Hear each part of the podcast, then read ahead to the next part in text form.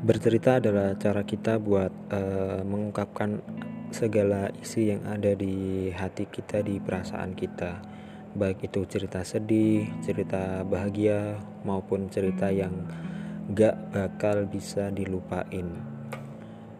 Tentunya kalian pasti punya uh, sahabat atau teman curhat yang kalian anggap paling uh, kalian percaya sama juga kayak aku aku juga punya teman atau sahabat yang biasanya selalu dengerin cerita aku cerita sedih maupun cerita bahagia aku.